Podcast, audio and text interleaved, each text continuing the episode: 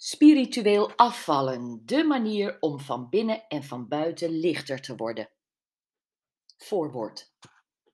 Toen ik 14 jaar geleden de opdracht kreeg een boekje te schrijven als onderdeel van een serie over spiritualiteit, kon ik niet bedenken dat het verhaal de vlucht zou nemen die het heeft genomen. We zijn nu toe aan de tiende druk.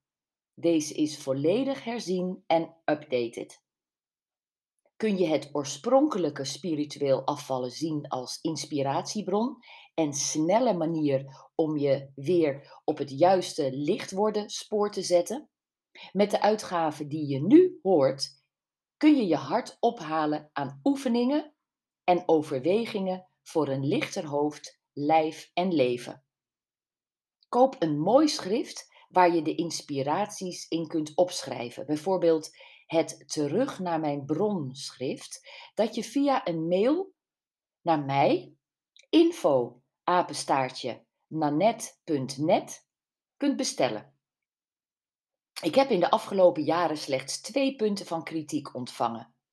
Het boekje is te dun, daar is inmiddels aan gewerkt, en ik verwijs veel naar publicaties van anderen.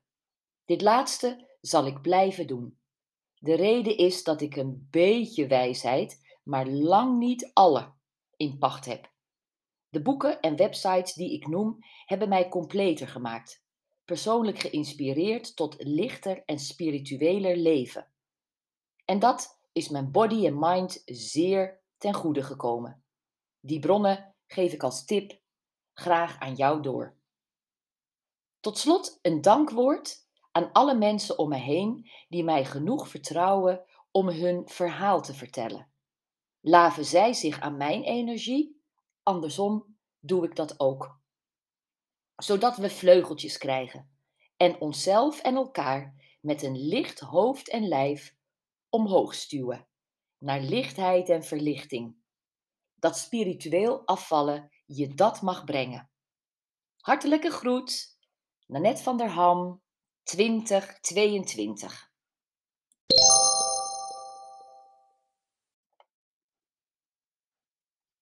Zorg goed voor je lichaam. Het is de enige plek die je hebt om te leven. Jim Rohn. Hoofdstuk 1. Heb je lichaam lief. Stel je voor dat je op een dag de volgende brief van je geliefde zou krijgen. Mijn liefste, het gaat niet meer. Ik ben aan het eind van mijn Latijn. Volgens mij heb ik vaak genoeg je aandacht proberen te trekken. Maar je doet mijn klachten af als onbenullig en je geeft me het gevoel dat het allemaal in mij zit. Je neemt me niet serieus en gaat gewoon door met waar je mee bezig bent. Zie je niet wat je aan het kapotmaken bent? Terwijl het allemaal zo mooi begon tussen ons.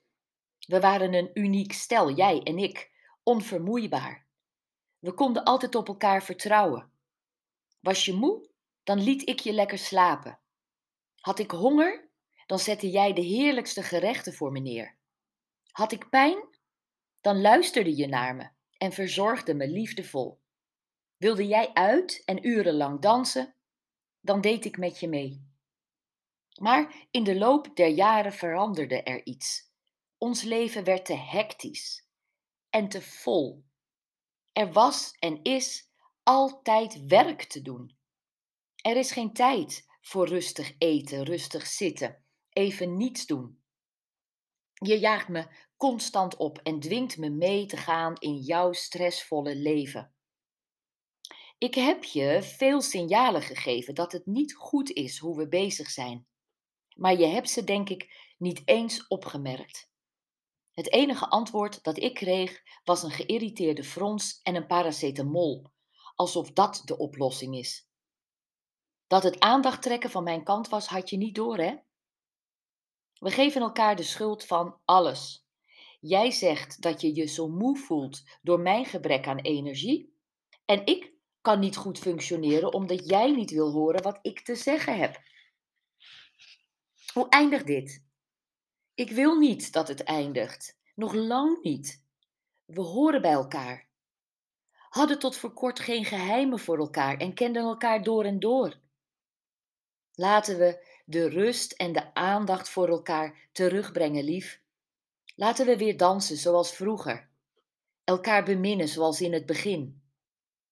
Het zal wat stroef gaan, maar ik beloof je dat ik je weer gelukkig zal maken. Laten we elkaar weer gelukkig maken en het beste in elkaar naar boven halen. Het is nog niet te laat. Ik hou van jou en wil je nooit in de steek laten. Voor altijd je lichaam. Wat zou je dan doen? Aan de slag. Zoek een mooi schrift, laat je hoofd even rusten en sluit je ogen. Als jouw lijf jou zou schrijven, welke woorden zouden er dan geschreven staan? Woorden van dankbaarheid of van verontwaardiging en wanhoop? Wanneer heb je voor het laatst je lichaam echt gevoeld? Wanneer heb je er echt naar geluisterd? Realiseer je dat alles wat je in je lichaam voelt, voortkomt uit je daden en gedachten. Is je lichaam een goed onderhouden monument? Of een huis dat kreunt in zijn voegen? Schrijf alle informatie op die je lichaam je vertelt. Van pijn in je knieën tot duizeligheid. Van kortademigheid tot darmkrampen. Van mondzweertjes tot aanbijen. Al deze klachten vertellen je iets over de staat van je lichaam. Wees stil en luister. Een lichter hoofd, een lichter lijf, een lichter leven. Spiritueel afvallen vertelt je hoe je op een spirituele wijze lichter kunt worden. Niet alleen in je lijf, maar ook in je hoofd. Wat is spiritueel? Het woord wordt vandaag de dag voor van alles en nog wat gebruikt. Vroeger stond spiritualiteit vooral voor een geloofsovertuiging. In de Dikke van Dalen staat nog steeds de definitie geestelijke levenshouding. Tegenwoordig ben je ook spiritueel als je pendelt, tarotkaarten legt, aan reiki doet, Qineng Qigong beoefent, je in het zweet werkt met Bikram yoga, mediteert en mindful bent. Schrik niet als deze termen je onbekend of onbemind voorkomen. Veel wordt in de loop van dit boek duidelijk. En achterin heb ik een begrippenlijst opgenomen waarin je alles kunt opzoeken. Spiritualiteit houdt voor mij in inzicht, zelfkennis, een persoonlijke levenshouding die losstaat van dogma's en de gevestigde orde. En daarmee respecteer ik alle vormen en omschrijvingen van spiritualiteit. Spiritualiteit overstijgt dat wat je zintuigen waarnemen en vertrouwt op een hogere werkelijkheid. In spiritualiteit werk je met je spirit, met je geestkracht. Om gewicht kwijt te raken moet de geest op orde zijn. Spiritualiteit helpt je om af te vallen in je lijf en in je hoofd, om een lichter, verlichter mens te zijn. Dit boek geeft je tips en vaardigheden hoe je op spirituele wijze van overgewicht af kunt komen, hoe je slank blijft en een spirituele attitude ontwikkelt, waardoor je het nooit meer zo ver laat komen dat je bezwaard raakt met overtollige kilo's. Het is geschreven vanuit een motto dat ik uitdraag waar en wanneer ik maar kan. Een lichter hoofd, een lichter lijf, een lichter leven. De voetjes van de vloer. Om je te helpen om van buiten, maar eerst en vooral van binnen lichter te worden, neem ik je mee op een spirituele afslankreis. Ik heb deze reis zelf gemaakt en raakte nu en dan behoorlijk de weg kwijt. Er waren wegwijzers waarvan ik de betekenis niet begreep. Ik had een aantal te hoge verwachtingen. En ik trof ook een paar doodlopende paden. Tijdens een crisisperiode in mijn relatie, waarin mijn leven loodzwaar voelde, voer ik blind op de horoscopen in damesbladen en internetsites.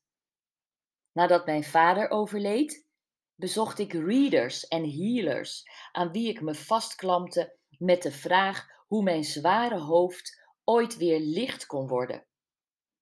Overal zag ik tekenen in. Vloog er een vlinder met me op, dan wist ik zeker dat ik op de goede weg zat. Zei iemand de woorden die net daarvoor door mijn eigen hoofd waren geschoten, dan wist ik dat ik met die persoon in zee moest gaan. Ik kocht ideaal gewicht thee in de reformwinkel en zat een paar uur later na het drinken van een hele pot, niet de bedoeling, op het toilet. Terwijl van onder en van boven de inhoud van mijn darmen en maag naar buiten spoot.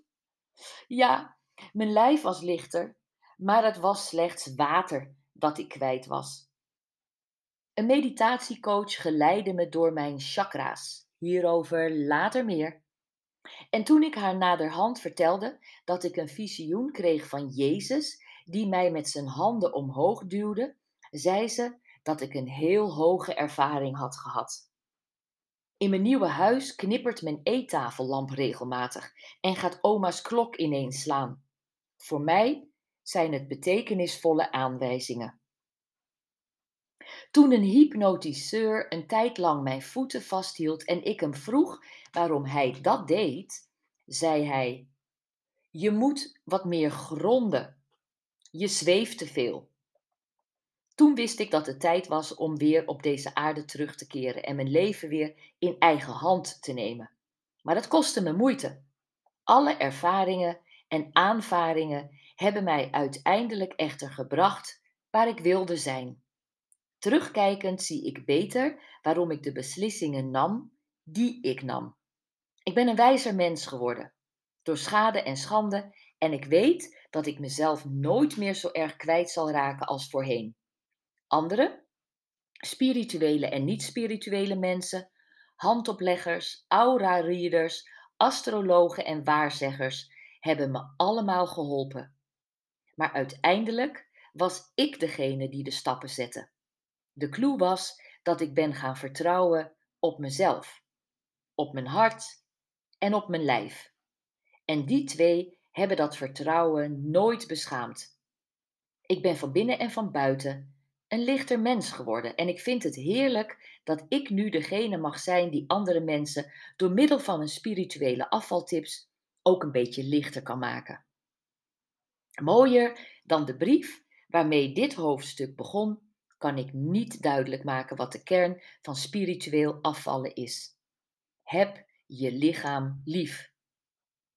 Die brief verwoordt precies wat volgens mij de intentie moet zijn van alle body and mind methodes, technieken en cursussen die je kunt volgen op spiritueel gebied. Neem op in je geest wat je lichaam jou vertelt. Negeer met je hoofd de signalen van je lichaam niet. Luister naar je lijf. Als het je lukt om de signalen van je lichaam te voelen en ze op een juiste manier te interpreteren, raak je overgewicht kwijt.